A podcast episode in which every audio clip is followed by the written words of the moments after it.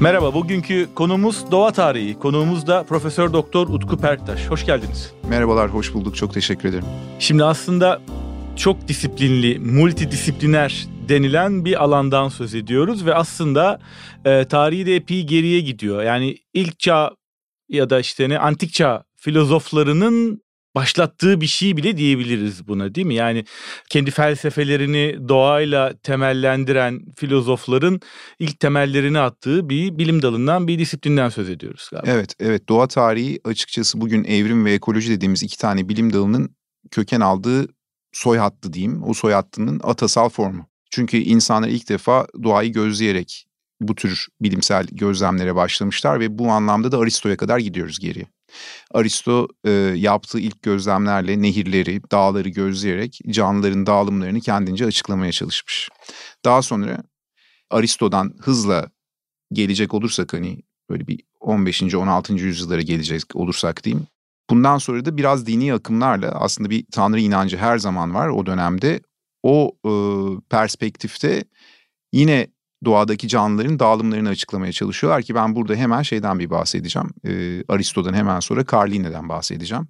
İsveçli e, önemli bilim insanı, doğa gözlemcisi, doğa tarihçisi esasında ya da e, hani İngilizce ismini de verelim Natural History çünkü her şeyin Natural History'si üzerinden gidiyoruz. Hani anahtar kelime olarak hani Google'a falan girsek böyle çıkıyor. Zaten birazdan Natural History müzelerine gezmeye başlayacağız evet, seninle. Evet, evet, için. evet. Şimdi doğa tarihi deyince Carline ne yapmış? Mesela Carline e, dünyadaki canlıların yaklaşık 6000 yıl önce tek bir dağdan bütün dünyaya yayıldığını söylüyor ve bu dağın adına da e, Paradiskal Dağı adını veriyor. Neresi bu Paradiskal Dağı mesela? Bu çok ilginç. Bunun için kendi coğrafyamıza geliyoruz ve Nuh tufanına kadar gidiyoruz. Ağrı Dağı çıkıyor ve Carline kendi döneminde Ağrı Dağı'ndan bütün canlıların dünyaya dağıldığını söylüyor ve bugünkü bildiğimiz bilimsel isimlendirme yöntemini literatüre, bilimsel literatüre kazandıran kişi Carline. Yani bugün kullandığımız tüm o e, türlerin isimleri, Latince isimleri Carline tarafından verilmiş. Ve onun e, koyduğu kurallarla binominal isimlendirme denilen bir isimlendirme sistemi var. Cins ismi, tür ismi ve Latince. Bugün olan bir dil değil, ölü bir dil ama kullanıyoruz. O bu isimlendirmeyi veriyor, türleri isimlendiriyor kendi döneminde ve onu artık hani hala bizler kullanıyoruz ve Paradiskal Dağı hipotezi dediği bir hipotez var. Dispersalle yani türlerin dağılmasıyla Ağrı Dağı'ndan bütün türlerin dünyaya dağıldığını söylüyor. Paradiskal Dağı eşittir Ağrı Dağı. Yani bunu ben hep biyocoğrafya derslerinde anlatırım ve çok ilginç gelir. Bu biyocoğrafyanın tarihi. E, Carline'den bir böyle bir bahsetmek istiyorum hemen Aristo'dan sonra. E biz bunu benimsiyor muyuz bu? Bütün canlılar 6000 yıl önce aynı hayır hayır hayır, hayır hayır bu bu tamamıyla o dönemde bu sonra tabii şimdi şey tarihten biraz bahsedeceğim. Şimdi bu bu geç da... orta çağda ortaya atılmış bir şey galiba değil mi? Evet evet kesinlikle. Ben hani 14. 15. 16. yüzyıllardan bahsediyorum. O dönem hani tanrı inancı çok belirgin bütün bilim insanları için bu yatsınamaz bir gerçek. Tanrı yaratıyor her şeyi ve bunlar bir bütün olup tür bir bütün olarak oluşuyor. Dünyadaki tür sayısı sabit ve bunların hepsi bir yerde var ve oradan dağılıyorlar. Ve Nuh tufanına kadar gidiyoruz. Sonra sonra çıkan işte Buffon, Charles Darwin'e kadar geleceğiz. Charles Darwin öncesi e, bilim insanları bunun böyle olmadığını, bunun yine tanrı inancı baki kalmak koşuluyla farklı şekillerde türlerin farklı yerlerde, farklı şekillerde değişime uğradıklarını söylüyor. Türler yaratılmıştır ama zaman içerisinde değişiyorlardır diyor. Aslında bir evrim düşüncesi gelişiyor ama şeyden kopamıyoruz bir türlü. Dini e, inançlardan kopamıyoruz bir türlü. Ve bu noktada hani biraz hızlı olacağım şeye geliyoruz. Charles Darwin'e geliyoruz. O da iyi bir doğa gözlemcisi ama Beagle e, seyahatine geleceğim. Burada da bir şeye dikkat çekmek istiyorum. Hani yanlışım varsa siz de bu anlamda hani tarihsel olarak lütfen beni düzeltirsiniz. Eksik bir şey söylemeyin. Bir takım emperyalist akımlar tabii o dönem başlıyor. Kolonileşme ve emperyalizm ve İngiltere özellikle de dünyada hakim olmaya başlıyor. E, majestelerinin Beagle gemisi bütün dünyayı dolaşmak için yola çıkarken doğa tarihçilerini e, şey almak istiyor. E, gemiyi almak. Gemiyi almak istiyorlar. Charles Darwin de bunlardan bir tanesi. Aslında tıp öğrencisi tıp da yapamıyor. Doğaya çok meraklı. Böcekler topluyor. Babası tıp öğrencisi olmasını istiyor falan ama bir türlü ısınamıyor bu işe e, kiliseye gidiyor ona gidiyor hani din adamı da olamıyor hiçbir şey olamıyor. Diyor ki ben gideceğim Beagle'a ve inanılmaz bir gemi tutmasıyla karşı karşıya kalıyor. Adam bütün seyahat boyunca kusuyor. çok çetrefilli bir seyahat dönemi geçiyor. 4-5 yıl bu böyle yaşıyor ama böcek topluyor, kuş topluyor, her şeyi yapıyor. Bu emperyalist akımlarla bir takım kültürler farklı yerlere taşınırken bunun ben yan etkisi diyorum. Bugün bunlar olması bunlar doğa tarihi müzelerine taşınıyor taşınan koleksiyonlar ve dünyadaki o çeşitlilik bir şekilde resmedilmeye başlanıyor, toplanmaya başlanıyor. Charles Darwin de bunlardan bir tanesi ve Galapagos adalarına geldiğinde gemi e, orada Galapagos ispinozlarını gözleyince diyor ki burada bir iş var. Yani Galapagos ispinozları her bir adada farklı gaga yapılarına sahipler. Kimisinin gagası büyük, kimisinin gagası ince, kimisinin gagası küt. Ama bunlar hepsi birbirine benziyor. Bunların diyor büyük ihtimalle bir bir yerden türemiş olmalılar diye düşünüyor ve ilk defa bir evrimsel ağaç çiziyor. Yani bir kökten bir şey çıkıyor, oradan dallanıyor, farklı farklı kuşları konumlandırıyor. Orada doğal seçilimle evrim teorisi kafasında canlanmaya başlıyor ve İngiltere'ye dönüyor. Ee, ve örnek topluyor tabii bu arada. Aynı zamanda araya gireceğim. Ornitolojinin de başlangıcı mı? Sen ornitologsun çünkü yani kuş evet, bilimcisin. Evet ben kuş aynı bilimciyim zamanda. tabii tabii. Evet e, ornitolojinin başlangıcı değil. Ornitoloji daha önceden başlıyor kuşlarla ilgilenenler ama Charles Darwin bu anlamda evrimsel biyoloji, doğal seçilimi ortaya atmayla beraber ama kuşları da kullanıyor tabii bu arada. E, ornitolojiye katkı sağlıyor ama ornitoloji daha geriden başlayan bir bilim dalı kesinlikle Darwin'den önce. Kuşlar hep merak edilen canlılar olmuş.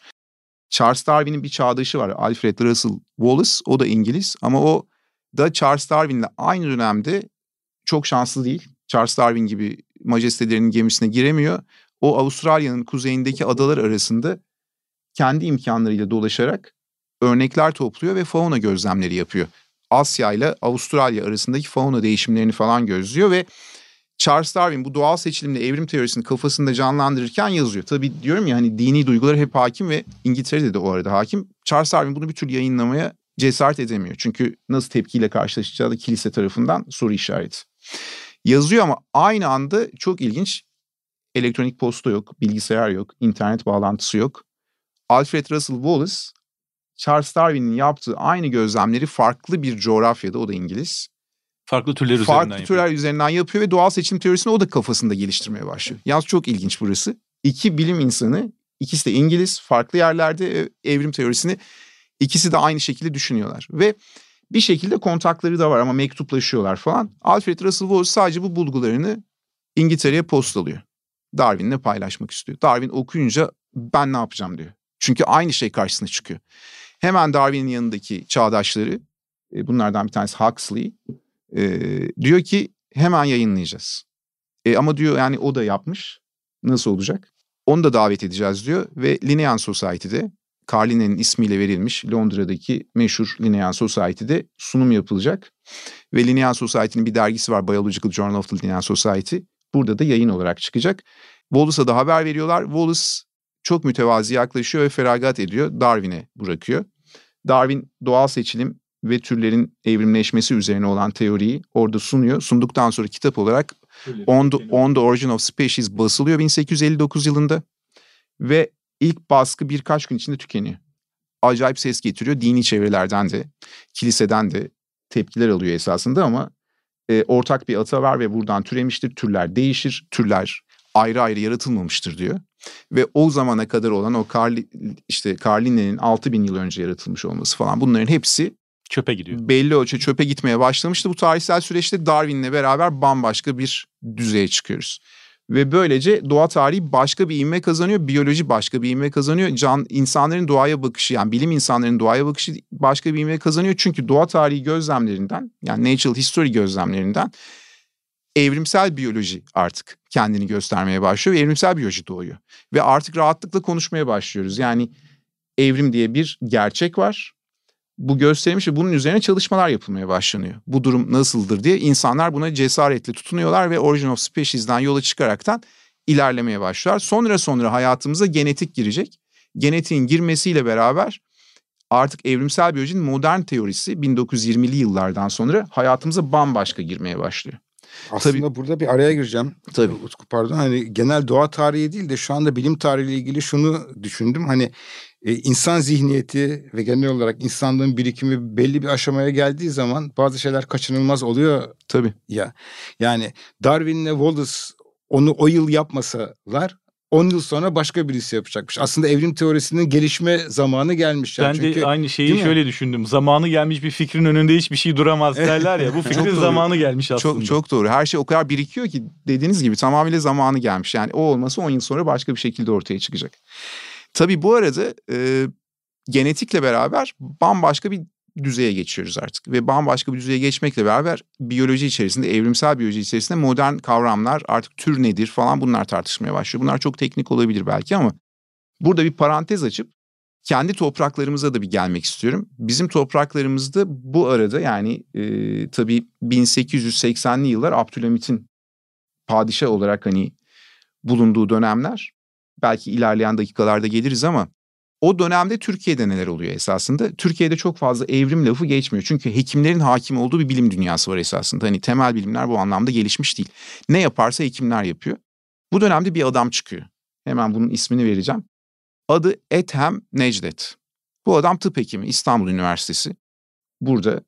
Ee, yalnız evrimle alakalı bir takım gözlemleri yapıyor. Bunları bir şekilde takip ediyor ama bunları bir türlü yazıya dökemiyor Ethem Necdet e, Tekamül ve Kanunları diye 1912 yılında bir kitap çıkartacak. Türkiye'deki ilk evrim kitabı. Tekamül ve Kanunları bu evrim ve kanunları olarak bilim ve gelecek etiketiyle e, Kudret Emiroğlu'nun da yaptığı bir şeyle e, bir biyografi yazımıyla basıldı. E, çok ilginç. Abdülhamit döneminde böyle bir şey yapılıyor. Bu, bu böyle bir bilime böyle bir şey var. E, bilim yani evrimsel biyolojiye böyle bir ilgi var. Hekimler üzerinden yapılıyor bu. Hekimler buna çok fazla konsantre oluyor ve 1911-12 yıllarında bu kitap basılıyor. Hani o dönemde başlayan gözlemler adam şeyi bırakıyor Ethem Necdet, hekimliği bırakıyor İstanbul'dan İzmir'e taşınıyor. Ondan sonra da Tekamül ve Kanunları diye bir kitap çıkartıyor. Türkiye'deki evrimin tarihine baktığımız zaman da hani 1910'lu yıllara gidebiliyoruz. Daha fazla geriye gittiğimizde işte 1880'lerde falan var ama bir türlü hayata geçemiyor. Yani hani toplum bundan haberdar olamıyor. Bir kitap olarak basılması 1911-1912. Necdet daha kuramsal mı kendisi doğrudan gözlemci araştırmacı mı? Yani türler üzerinde doğada. Evrim kuramını Charles Darwin'in evrim kuramını kendi bakış açısıyla yorumlayıp kitaplaştırıyor ve Türkçe olarak ya da işte Osmanlıca olarak diyeyim o dönemde basıyor o kitabı. Ve bugün hani Türkçe olarak dediğim gibi bilim ve gelecek etiketiyle çıkmış durumda. Biyografisiyle beraber çok ilginç bir bilim tarihi kitabı bizim topraklarımız için. O yüzden hani bu bir parantez açarak belirtmek istedim. Ee, bu şekilde genetikten sonra da biyoloji farklı bir ivme kazanıyor. Burada ilginç hikayeler var.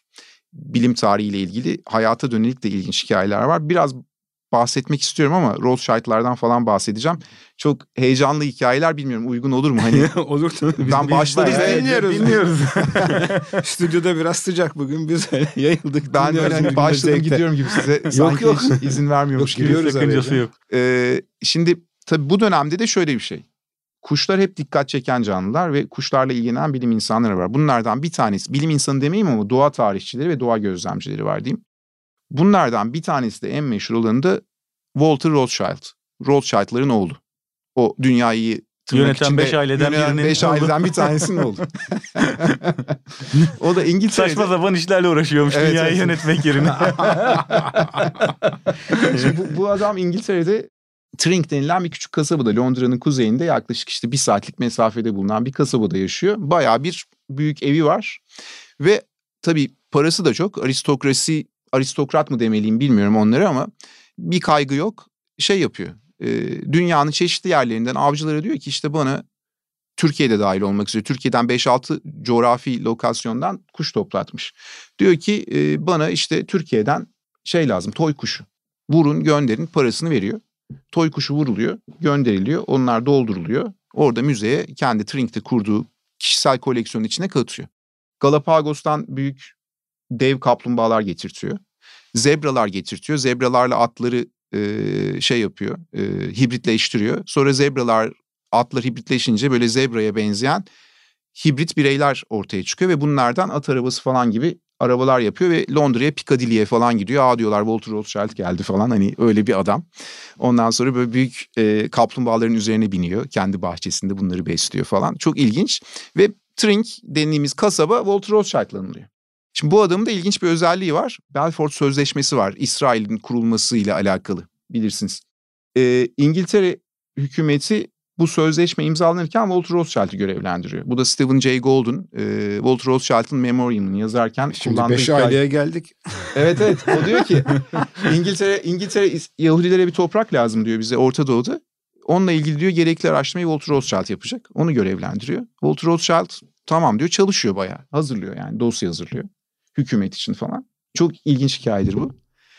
Ve bir diplomat gidecek şeye Orta Doğu'ya. Onu da görevlendiriyorlar ama Walter Rothschild diyor ki ya ben hani hazırladım bu işi ama bu kendi sözleri Stephen Jay Gould bunu yazmış. Science'da yayınlanmış bir makaledir. Çok ilginç. Ya ben diyor bu işten çok sıkılıyorum ve aslında diyor e, Filistin tarafına gittiğinde orada diyor hani topraklara gittiğinde Orta Doğu'ya orada bir doğa tarihi öğretmeni var. Ben diyor ona iki tane deve kuşu siparişi vermiştim ve emanet etmiştim. Bu deve kuşları diyor birbirinden renklenme olarak farklı ve büyük ihtimal yeni bir alt tür tanımlayacağız. Sen diyor oraya gittiğinde diplomatik işlere başlamadan önce bu doğa tarihi öğretmenini bul. Çünkü ben iletişimi koparttık diyor. Yani hani haber alamıyorum. Adı sanı belli ama ulaşamıyoruz. Tabii yani zor ulaşım o dönemde. internet yok bir şey yok. Adam gidiyor bunu buluyor. Öncelikle doldurulmuş iki tane deve kuşunu alıyor. İngiltere'ye gönderiyor. Walter Rothschild bunlardan öncelikle yeni alt türler tanımlıyor. Bu arada İsrail'le ilgili adımlar da atılmış oluyor orada ama araya bu deve kuşları giriyor. Ve deve kuşları İngiltere'de Turing'e gidiyor. Hala da duruyor orada. Çok ilginç. Ee, bana ilginç bir hikaye geldi yani hani bu arada. Zaten bu kuşçuluk biraz Şimdi sen ornitologsun daha bilimsel yönde ama gündelik hayatın içinde de hani kuş gözlemcileri vardır, kuş besleyicileri vardır filan. Böyle bayağı e, yanlış anlaşılmasın. Biraz obsesyona kolay dönen bir şey, takıntıya Doğru. kolay dönen bir doğru, şey galiba. Doğru doğru mi kuş? kesinlikle. Çünkü yaptıkça keyif almaya başlıyorsunuz. Ve bu tamamıyla hani tanımlamak için çaba harcıyorsunuz ve kuşlardaki renk varyasyonları inanılmaz. Hani tropiklerdeki balıklarla yarışır. Ve bu renk varyasyonlarını gördükçe coğrafyadan coğrafyaya da fark ediyor bunlar. Ve yeni alt türler, kimi yeni alt türleri yeni tür statüsüne çıkartıyorsunuz falan. Ve çok ciddi merak uyandırıyor. Ve genetiğin bizim hayatımıza girmesi bunların çok daha ilginç bir hal almasını sağladı. Ve insanlar dedektiflik hikayeleri gibi türlerin tarihini genetik belirteçler üzerinden takip edip zamanında yapılmış bu Carline'den sonra işte Darwin ve diğer kuşçu bilim insanlarının ortaya koyduğu şeyleri hep revize ediyorlar Peki, ve araya cidden şey oluyor. miyim? Şimdi eğer anlattığınız e, faaliyetlerle sınırlı kalsaydı doğa tarihçileri bir yerde e, işlerinin bitmiş olması gerekiyordu ama bu iş devam ediyor ve galiba şimdi şöyle devam ediyor değil mi?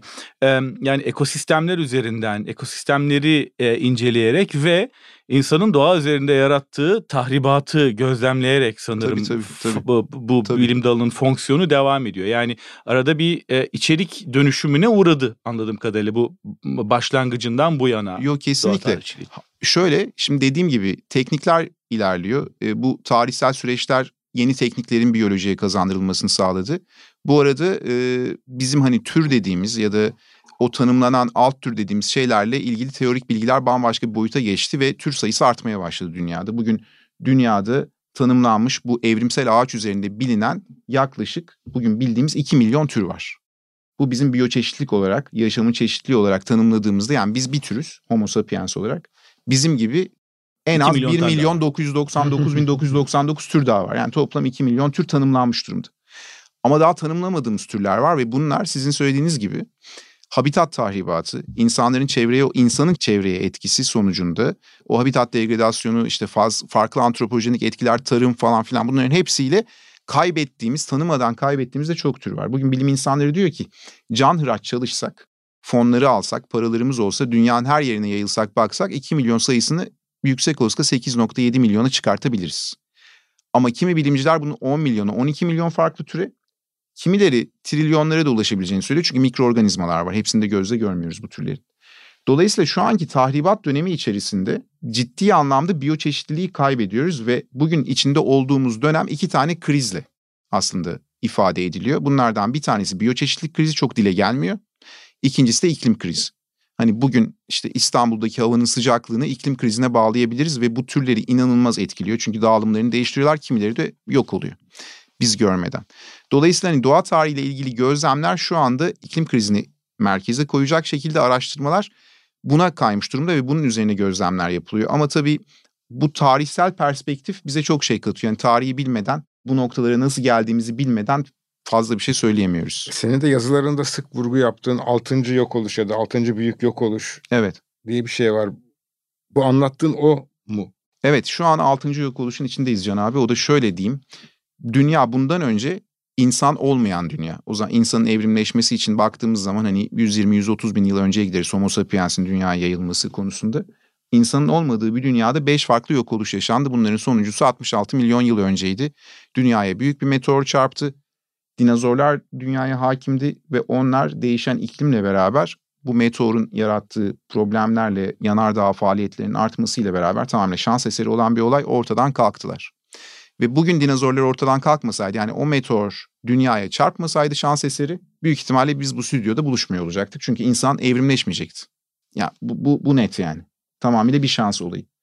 Dolayısıyla türlerin evrimleşmesi rastgele şansa bağlı olaylarla gerçekleşmiş Çünkü bir şey. yaşam o meteor hadisesinden sonra neredeyse resetleniyor ve yeniden başlıyor? Kesinlikle öyle. 5 tane böyle bir yok oluş yaşıyoruz. En sonuncusu 66 milyon yıl önce. Ama ilkini 450 milyon yıl önce yaşıyoruz. Ama dünya dediğimiz bu yaşadığımız gezegenin deki canlılığın tarihi 3.8 milyar yıl önceye gidiyor. Biz neden 500 milyon yıla odaklandık da birinci yok oluşu 450 milyon 480 milyon yıl önce yaşadık diye soracak olursanız mesela 450 milyon yıl önce Kambriyan patlaması denilen dünyanın hiç görmediği bir tür çeşitliliği yaşadı bu gezegen. İnsan yok o zaman. Ve o çeşitlilikle Kambriyan patlamasından sonra gelen ilk yok oluş türlerin çoğunu ortadan kaldırdı geri dönüşmüş olarak ama dünya tekrardan yeşerdi diyeyim. Ama süreçler öyle ki yani hayal etmemiz çok Sadece zor. bitkilerden mi söz ediyoruz? Hayır hayır başka canlılar da var. Hayvanlar da var, başka canlılar da var. Ha, yine vardı bir sürü farklı canlı. Bunların fosillerine ulaşabiliyoruz ve bugün bildiğimiz canlılar gibi değil. Şimdi bugünkü 6. yok oluşun sıra dışı olmasının sebebi şu.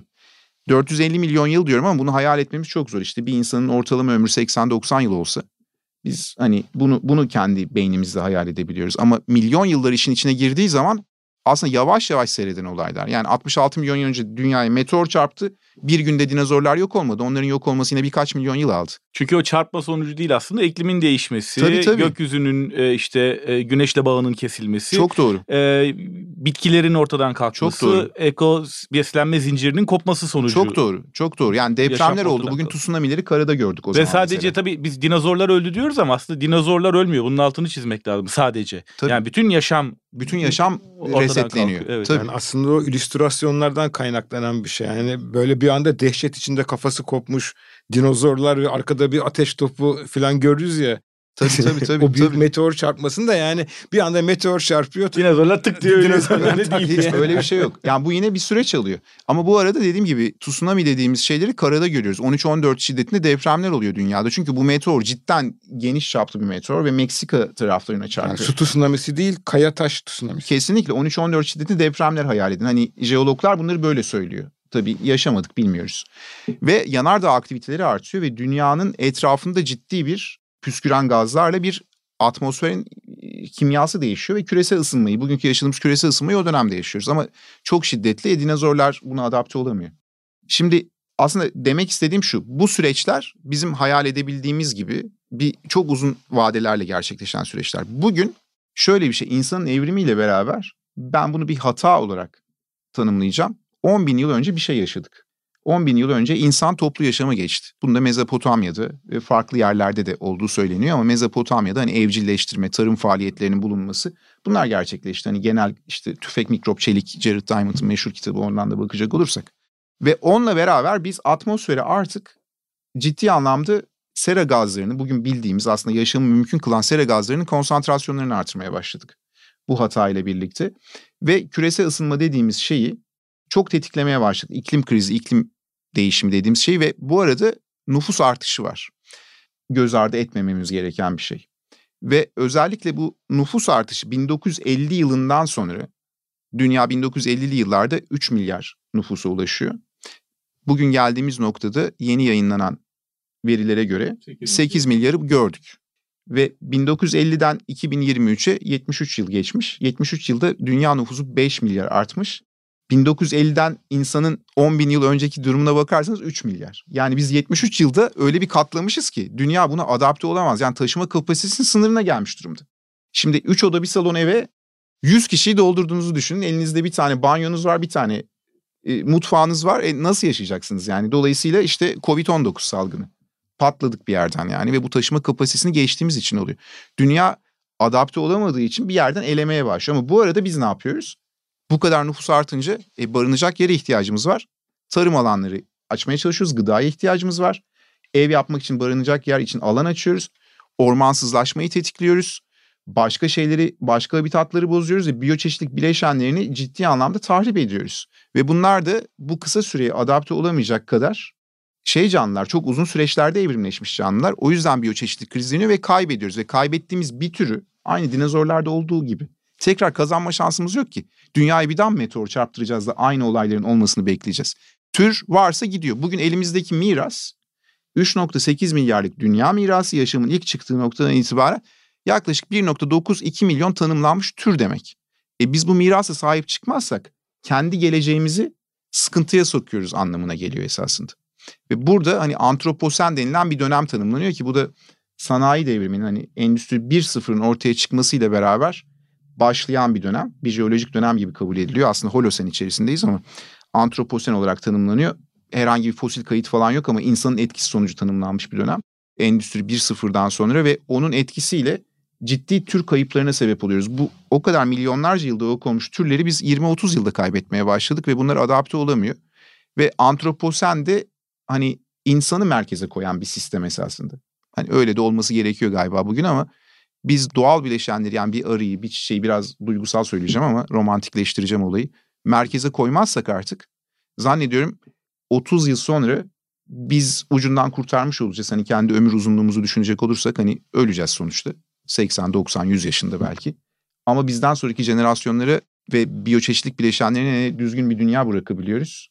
Bambaşka bir senaryo olacak. Hani Ama böyle işte tam da bu noktada senin girişte sözünü ettiğin müzeler giriyor değil mi devreye? Evet, müze, artık evet. yalnızca müzelerde göreceğiz ama bir yandan insanın şöyle bir tarafı yok mu günümüzde? Yani senin bir yazından alıntı yaparak söyleyeyim. Sierra Leone'de 250 yıl önce kaybolmuş bir yengeç türünün izi sürülüyor. Evet evet evet. evet yani doğru. ve baya baya uğraşıldıktan sonra işte bir ormanın derinliklerinde çünkü o, o orman içindeki sularda yaşayan bir yengeç türü yanlış hatırlamıyorsam bulunuyor ve işte çok seviniliyor filan. Şimdi insan bir yandan yok ediyor ama bir yandan da sen de onlardan birisin e, herhalde. Doğayı korumak için işte sırf bir yengeç türünün ölmediğini görüp sevinmek için çok meşakkatli seyahatlerde yapabiliyor. Yok işte büyük araştırma bütçeleri de yapabiliyor. Yani e, bu konuda insanlar ikiye mi ayrılıyor diye düşünelim yoksa ya bilim insanları yok. Merak doğayı merak Artık edenler hala olarak uyandık mı yaptığımıza biz doğaya ne yaptık diye. Ee, çok öyle düşünmüyorum. Bir, bir kısmımız bilinçli olan kesin bunu bunun farkında. Kesinlikle ve bilim insanları ve özellikle doğa tarihinin bilim kültürüne girdiği toplumlar ki bunu da nasıl bunu hemen doğa tarihi müzelerine bağlamak istiyorum burada. Ya Kuzey Amerika'ya gitseniz her e, şehirde ya da her state ya da eyalette birden fazla doğa tarihi müzesi görüyorsunuz. İngiltere'ye gidiyorsunuz her şehirde var. Avrupa'nın her şehrinde var. Küçük şehirlerinde bile var. Şimdi bu bilim kültürünü doğa tarihi anlamında yerleştirmiş toplumlarda bu farkındalık çok yüksek düzeyde var. Ama bir yandan da şöyle bir gerçek var. Özellikle Endüstri 1.0'dan sonraki dünyada e, bu seri üretimin bizim hayatımıza girmesi o iki, iki tane akım var. Hani şimdi 15. 16. yüzyılda yaşasanız ve sizi ben desem ki siz tüccarsınız ne tür bir ticaret yapardınız? İngilizsiniz ve İngiltere'desiniz geminiz var. Ne yapardınız hani ne taşırdınız yani? Ya herhalde işte o dönem ne yapılıyorsa e, baharat ondan sonra Tabii. ve or, orta şeyden e, doğudan Pamuk. ve uzak doğudan Tekstil şeyler tabii, getirir tabii. Pamuk, pamuk, pamuk alacağız. Hindistan'a gideceğiz. Baharat alacağız. Tekstil alacağız. Değiş tokuş yapacağız. Hı hı. Şimdi bunu yapıyoruz. Bu bizim için yani üç sınıf var esasında İngiltere'de başlarken. Aristokratlar yani soylular. Onlar doğuştan zaten her şeyin sahibi. Köylüler. Efendime söyleyeyim bir de e, tüccarlar var. Tüccarlar bugünün kapitalistleri olacaklar. Fabrikatörleri.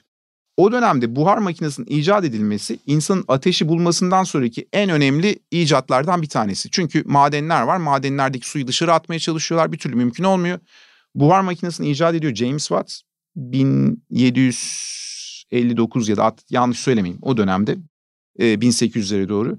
Sonra su pompasını yapıyor. Su, su pompasını Tahliye yapıyor ve pompaları. bununla beraber fabrikaların kurulmasını falan sağlıyor. Yani buharın kullanı buharın hayatımıza girmesi bir makina insanın yapamadığının ötesinde, insanın gücünün yetmediğinin ötesinde bir iş yapmaya başlıyor. Ateşten sonraki en önemli şeylerden bir tanesi. Sonra bununla beraber e, bu kapitalizm belli ölçüde tüccarların kapitalist olması, fabrikaların kurulması falan bambaşka bir noktaya getiriyor. Bu toplumların içinde bilim insanları olsa da parayı kazanabilmek, hani bu şekilde sanayileşebilmek daha ön plana çıkıyor ve biz artık merkezimizden atıyoruz doğal bileşenlerin tamamını ve başka türlü para kazanma yoluna giderek ya da işte sanayiyi geliştirerek bunu yapmaya başlıyoruz. Sonra da zaten Fordizm falan hayatımıza girecek ve bunlarla beraber nüfus artışını da tetiklemeye başlıyoruz insanda.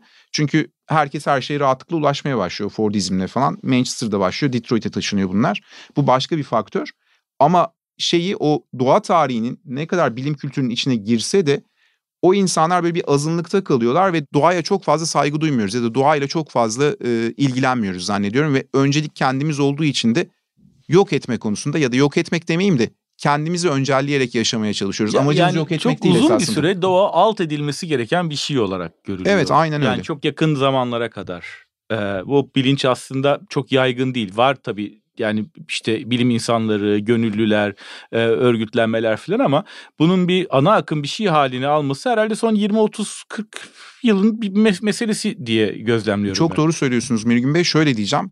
Rachel Carson diye bir bilim kadını var. Silent Spring. Silent Spring. Onunla beraber 1960'ta Evet evet değil EPA mi? falan kuruluyor. İngil e, şeyde Amerika'da çevre koruma ajansı kuruluyor. Silent Spring'le beraber pestisitlerin kullanımının kuş popülasyonlarına etkisini ortaya koyuyor Rachel Carson. Sessiz Bahar kitabını yazıyor ve onunla birlikte doğa korumacılık aktivistler, gönüllüler bambaşka bir düzeye çıkıyorlar ve ondan sonra aslında çevreye verdiğimiz zararların ne boyutta olabileceği 1960'larda kendisi göremiyor, kanserden vefat ediyor.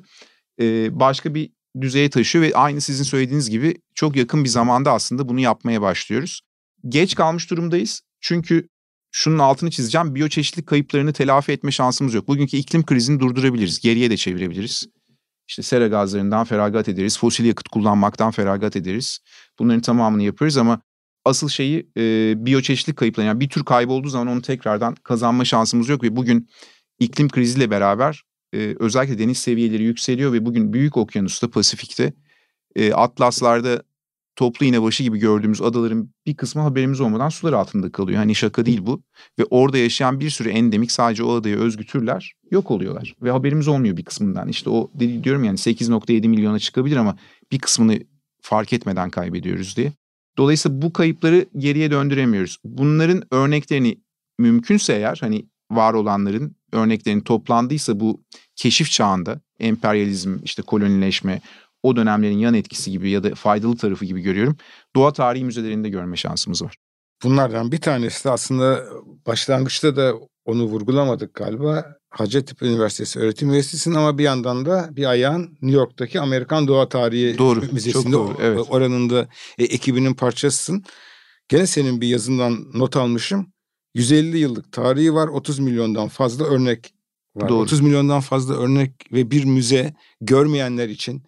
Ben de şimdi utanarak söyleyeyim ki New York'a çok gitmişliğim var ama hiç. Ben de yazıyı aynı yazıyı yok. okurken kaldı ki daha bir iki ay önce oradaydım. Niye bunu akıl edemedim utanç. diye hayıflandım.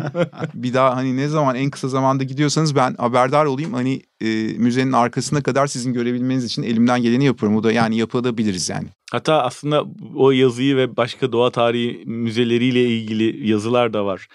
Ee, sizin kaleme aldığınız. Onları okurken dedim ki ya bunlardan en az bir ya da iki tanesine çocuklarla gitmek lazım. Yani sırf Evet, tabii, çocukları tabii. götürmek Tabii, için Senin şöyle bir seyahat lazım. düzenlemek lazım. Ee, Türkiye'de bu müzelerin durumu ne? Şimdi şöyle e, dediğim gibi Türkiye'de bu bilim tarihine ilişkin kültür çok oturmuş değil. Ne yazık ki bizim koleksiyonları olan bir müzemiz yok. Doğa Tarihi Müzesi deyince şöyle ifade edeceğim. Genellikle bunlar bulundukları şehirlerde kendi çevrelerindeki doğal bileşenleri sergilemek, bununla ilgili halkı, çocukları eğitim amaçlı bilgilendirmek için kuruluyorlar. Ama bunların her zaman bir arka tarafı oluyor. Yani herkesin giremediği bir tarafı bilim insanlarının olduğu ya da işte küratör deniyor. Onların düzenleyicilerinin olduğu. Orada da bilimsel çalışmalar yapılıyor. Darwin gibi örnek toplayanlar, hala ekspedisyonlar düzenleniyor bugün de. Örnek toplayan kişiler topladıkları örnekleri koruyarak buralara getirip koleksiyon kuruyorlar. Örneğin Amerikan Doğa Tarihi Müzesi'nde New York Times'a göre 33 milyon örnek var. E, bugün bilinen işte o 2 milyon türe ilişkin. Bazıları yok olmuş olanlar da var. Kuş koleksiyonuna baktığınız zaman yaklaşık 1 milyon kuş var koleksiyonda ve paha biçilemiyor. Hiçbir sigorta şirketi sigortalayamıyor bunları. Çünkü tarihsel olarak işte Theodore Roosevelt de mesela toplamış falan. Tring'e gidecek olursanız yine 1 milyon kuş var. Darwin'in örnekleri de var Galapagos'tan toplanan. Bunları orada depoluyorlar ve bizler mesela profesyonel bu işle ilgilenirken amatörle ilgilenebilirsiniz. Yazıyorsunuz müzeye. Diyorsunuz ki şu grupla ilgileniyorum, şununla ilgileniyorum. Amacım bu, hipotezlerim bu ve gelip müzede koleksiyonu ziyaret etmek istiyorum. Veri toplamak istiyorum. Ölçmek, biçmek, doku örneği almak neyse. Bunu yazıyorsunuz, gidiyorsunuz oradan size izin veriyorlar. Ya refakat ediyorlar ya da tek başınıza bunu yapıyorsunuz ve geliyorsunuz, veri toplamış oluyorsunuz. Türkiye'ye baktığımız zaman şimdi bunlar böyle oluşturulmuş ama Türkiye'de çok üzgünüm bunu söylediğim için. Bu anlamda koleksiyonlarıyla derli toplu bir müzemiz yok. Bu bir tane var Ankara'da MTA'nın içerisinde bulunan Doğa Tarihi Müzesi ama arka planı fosillerden biraz fosillerden oluşan koleksiyonlarla şekillenmiş ama Türkiye'de hiçbir zaman kuş sistematiği, efendim söyleyeyim farklı omurgalı grupların sistematiği bu anlamda hani çalışılmış ama bu anlamda çok sistematik çalışmalarla örnek toplanıp hani bir müze kuralım, bunu bir merkezde toplayalım gibi bir yaklaşım hiçbir zaman olmamış kişisel çekişmeler işin içine girmiş, başka şeyler olmuş falan filan ve bugüne geldiğimizde ne yazık ki böyle bir şeyimiz yok. Bizim Hacettepe Biyoloji bölümünde bir böcek koleksiyonumuz var. Ama genellikle çocukların görmesi için kullanılıyor. Bunu ben bir yandan koleksiyonu işte online yapalım, dışarıya açalım, insanlar gelsin, baksın, biyoçeşitlilik görsün. Çok önemli bir koleksiyon, tarihsel değeri var demeye çalışıyorum ama yaparız umarım. Bu anlamda yok. Bunun Peki tarihi Türkiye e, Pardon sözünü kestim. estağfurullah. Ufku, hani biyocoğrafya diyeceğim. Sizden aldığım bir terim ben çok biliyormuşum gibi söylemeyeyim. Türkiye bir biyocoğrafya olarak e, zengin bir bölge mi? Yani Anadolu ve e, Trakya biyoçeşitlilik açısından dünya ortalamasına göre zengin topraklar diyebilir miyiz? Yok kesinlikle söyleyebiliriz. Bugün Anadolu hani e, ya da Türkiye'nin politik sınırları olarak baktığımızda ben hep Amerika'dan örnek veriyorum. Texas kadar büyüklüğe sahip bir coğrafyayız ve böyle bir coğrafyada yüz ölçüm olarak baktığımız zaman üç önemli sıcak noktanın biyoçeşitlik sıcak noktasının kesiştiğini görüyorum. Tabi burada sıcak nokta ne demek? Hemen onu açıklayayım. Sıcak nokta kendine özgü türleri barındıran, dünyanın başka yerinde göremeyeceğiniz, sadece bu bölgede görebileceğiniz, bu sıcak noktada görebileceğiniz türler olacak. %70'i bunlardan oluşacak bu bölgelerin ve en az %60-70'ine de insan eliyle zarar verilmiş olacak ya da müdahale edilmiş olacak.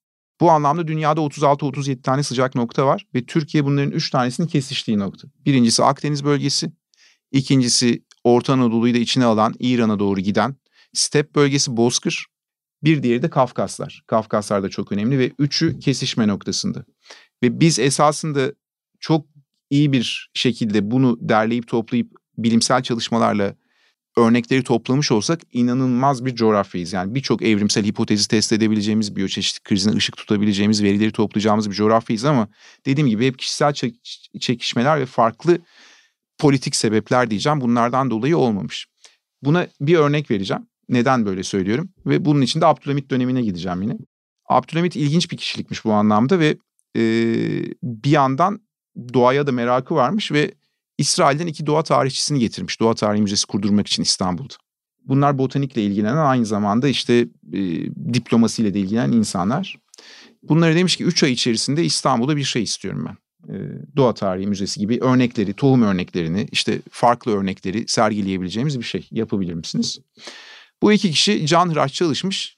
Orta Doğu'dan da böyle endemik tohumlar yani oraya özgü tohumlar falan getirmişler. Burada bir koleksiyon oluşturmaya çalışıyorlar. Abdülhamit'in de bir marangozluğu varmış galiba. Hı hı bildiğim kadarıyla o da kendi dolaplarını falan yapmış hani bu müze için. Adam öyle uğraşmış. Neyse yapılmış bu. Bu iki kişi İstanbul halkını da e, çeşitli şekillerde araziye çıkartarak ya da toplayarak eğitim de vermiş doğayla ilgili. Ve üç ay içinde gerçekten bir derleyip toplayıp örnek toplamışlar falan bir koleksiyon kurulmuş Yıldız Sarayı'nın içinde. Ben Yıldız Sarayı'nı bilmiyorum o herhalde konaklardan oluşan bir saray. Onun içinde bir müze kurmuşlar açılmış. Abdülhamit de bu iki kişiye özel bir nişan vermiş hatta böyle kelebek nişanı mı öyle bir şey e, bu nişanı vermiş. Onlar da sonra ayrılmışlar 3 ay içerisinde ve bu hayata geçmiş. Tabii Abdülhamit'in bir de hayvanları olan merakından dolayı Japonya'dan falan çeşitli hayvanlar getirtilmiş dünyanın çeşitli yerlerinden. Bir de Yıldız Sarayı'nda hayvanat bahçesi kurdurmuş. Zürefa falan var hayvanat bahçesinde. Sonra Abdülhamit'in bu 33 yıllık süreci bitip tahttan indirilince İttihat Terakki tarafından O dönem yağmalanma olmuş. Ve İttihat Terakki falan da buralara girmiş benim okuduğum kadarıyla. Doğa Tarihi Müzesi'ndeki ne kadar koleksiyon varsa Mülgün Bey, Can abi boğaza dökülmüş. hani bizde şöyle bir kültür var ben bunu anlayamıyorum. Yani bir şey yapıyorsunuz da kurumsallaşamıyoruz. Yani benim yaptığım kalmıyor. Yeni gelen bana terse onu bir yıkıyor. yani bir iyi bir şeyse de bunu koruyamıyoruz ve bunları kaybetmişiz. O hayvanat bahçesi dağıtılmış hani İstanbul'da o dönemde şeyden o Haliç'teki işte köprüden falan zürafaların geçtiği falan bildiriliyor. Yani zürafa yürüyor falan İstanbul sokaklarında böyle şeyler görüyorsunuz. Hayvanat bahçesi de gitmiş. Bence o zaman için iyi bir adımmış ve o daki kültür işte hep yansımış ve biz bunu yapamamışız. En önemli Türkiye için önemli evrimsel biyolojide bu tür doğa tarihiyle ilgili en önemli ikinci adım Mustafa Kemal Atatürk'ün üniversite devrimi. O Hitler'den kaçmak isteyen Alman önemli bilim insanlarının Türkiye'ye sığınmasıyla beraber, Türkiye'ye gelmesiyle beraber çok önemli bir adım. Gerçekten yani. Hani bizdeki o üniversite fikrinin olgunlaşması ve hayata geçmesi, bilgi üreten kurumlar olarak kabul etmemiz için çok önemli bir adımmış. Atatürk çok önemli bir şey yapmış ama biz onları da koruyamamışız. Bunlardan bir tanesi Hans Kümerlöve. Hemen bunu örnek vereceğim size. İstanbul Üniversitesi'nde bir müze kuruyor. Türkiye'nin dört bir tarafını dolaşıyor. Bu adam ornitolog. Kuş topluyor. Türkiye'de böyle sistematik bir koleksiyon yok Can abi. Her yerden Hakkari'den topluyor. Yani bugün Hakkari'ye güvenlik sebebiyle gidip hani dağlarda taşlarda hani kuş avlayamayız, toplayamayız. Avlamamız da belki doğru değil bu kriz döneminde ama bu tür arazi çalışmaları da yapamayız. Bu adam Türkiye'nin dört tarafından topluyor. Getiriyor İstanbul Üniversitesi'nde bir koleksiyon kuruyor. Alfa etiketiyle çıkan bir kitap var. Yurtsuz Kalanlar diye bu adamları biz Türkiye'de tutmayı başaramıyoruz. Üniversitedeki çeşitli politik sebepler dolayısıyla ve Hans Kümerle ve Bonn'dan Alexander Koenig Zooloji Müzesi'nden bu İkinci Dünya Savaşı falan bitiyor. Teklif alıyor 1960'lı yıllarda ve kürsüde zooloji kürsüsünde ona bir pozisyon veriyorlar. Burada tutamıyoruz. Çok kıymetli insanlar.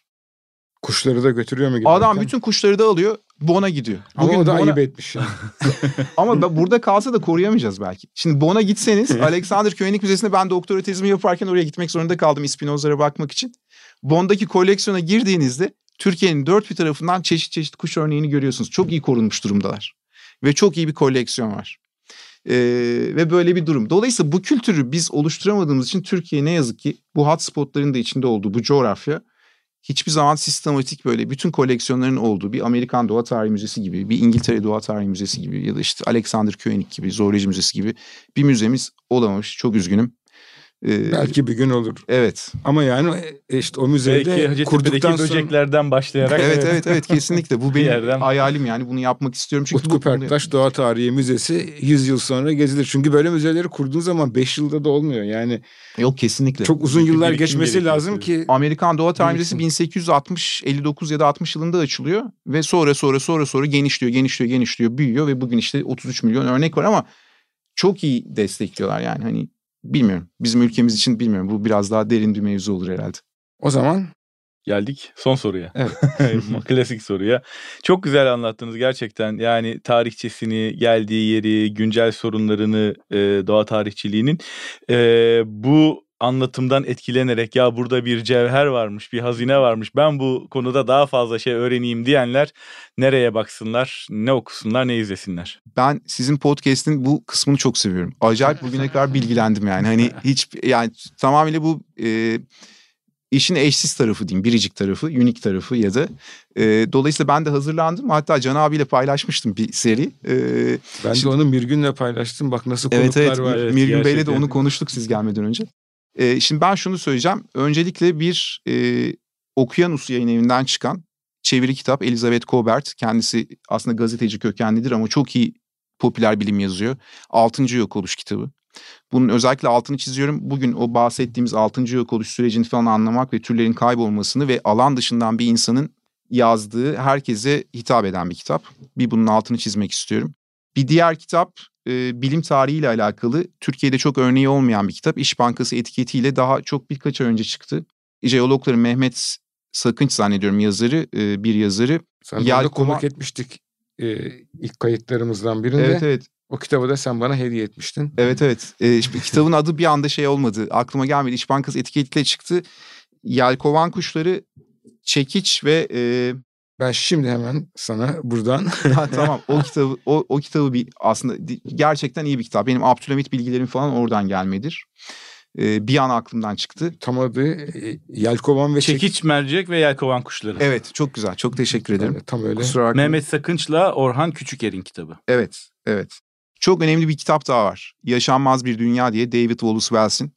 Bu New York Times bestseller'a falan girmiş bir kitap ve Türkçe'ye çevrildi Domingo etiketiyle çıktı. Bu kitapta aslında içinde bulunduğumuz orman yangınları dahil olmak üzere iklim krizinin sebep olduğu felaketler dünya genelinde çok iyi anlatılıyor. Burada bir örnek vereceğim. Bugün işte şu an tepemizden bir sürü uçak gidiyor büyük ihtimalle ve Londra ile New York arasında uçan bir uçağın her birinin Kuzey Kutbu'nda 3 metrekarelik buzulun erimesine sebep olduğu ölçülmüştü ve bu kitapta yazıyordu mesela. Bu çok ilginç bir bilgi ve tepemizde şu an belki binlerce uçak var ve iklim krizini tetikleyen süreçler bunlar. Ve bu kitapta bunlarla ilgili yok oluşlar var. Ee, Murat Erden'in Dünya Hala Büyük, Yaşam Hala Kısa diye bir kitabı var. İçinde küçük küçük hikayeler var ama ilk hikaye İstanbul'daki doğa tarihi müzelerini kurmak isteyen Osmanlı döneminde bir e, bilimcinin hikayesini anlatıyor. E, ve kurmak isteyip, yapmak isteyip, başarı elde etmek isteyip belli ölçüde ettiği ama yine bir şekilde e, politik sebeplerle bu süreçten yenik ayrılan bir adam e, ve başarılı olamıyor ama ilginç bir e, hikaye. Sonra Osman'ın ağacı altında var. E, bu da yine e, bir miktar Osmanlı ile alakalı bu tür doğa tarihiyle ilgili tarihsel süreçleri irdelemek için iyi bir şey, iyi bir kitap. Yok oluş kitabı e, genel olarak dünyadaki bu beş büyük yok oluştan bahsetmiştim. Altıncı yok oluş değil ama bu beş büyük yok oluşun teorik arka planını Boğaziçi Üniversitesi yayınlarından çıkmıştı. E, popüler anlamda herkese hitap edecek şekilde anlatan bir kitap. E, bunu da çok e, tavsiye ediyorum. İki tane de Türk yazarın yazdığı kitap var. Aykut Çoban ve Erdoğan atmış. Bunlardan bir tanesi Rahatı Kaçan Orman. Bugün ormansızlaşmaya dikkat çekiyor. Türkiye'deki durum ne? Orman yangınları, ormansızlaşma, artan insan nüfusu bu kitaptan öğrenebiliriz. İklim krizi nasıl çözülür? Aykut Çoban'ın kitabı iklimle ilgili temel bilgileri, iklim değişimiyle alakalı temel bilgileri öğrenebileceğimiz bir kitap. Yine bu 6. yok oluşa atıf yapacaksak günümüzdeki krizlere.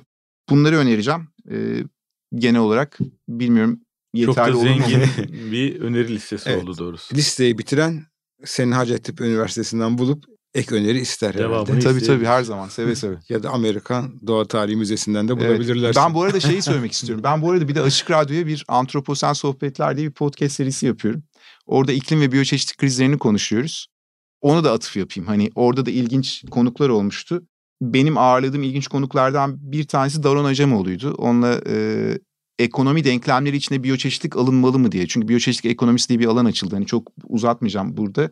Ama onu konuşmuştuk. Onun fikri kesinlikle işin içine sokmamız gerektiğiydi. Benim dikkatimi çekmişti o bakış açısıyla. Ee, bir de Gündüz Vasaf'la o kitabı da burada önereyim. Cehenneme Övgü kitabı. Hani biliyorsunuzdur bir döneme damgasını vurmuş kitap ama onun içinde doğayla ilgili çok güzel bir bölüm var. Evrimsel biyoloji ve doğayla ilgili. Gündüz Hoca da e, bende şey algısını hani oluşturan birisiydi konuşmalarımızda. Artık hani çok ciddi anlamda iklim krizine dikkat çekmek istiyor ve insanı merkezden almalıyız diyor. Bu empatiyi kurmalıyız doğayla diyor. Bunun altını çiziyor. Ee, o kitapta da bununla ilgili güzel bilgiler vardı. Eklemiş olayım. Çok teşekkür ediyoruz Utku. Ben çok teşekkür ederim. Çok teşekkür ederiz. Ya her Gerçekten ikinize de- çok zevkliydi. Benim için de büyük keyifli, memnuniyetle her zaman e, elimden geleni yaparım. Sağ olun. Görüşmek üzere diye bitirelim o zaman.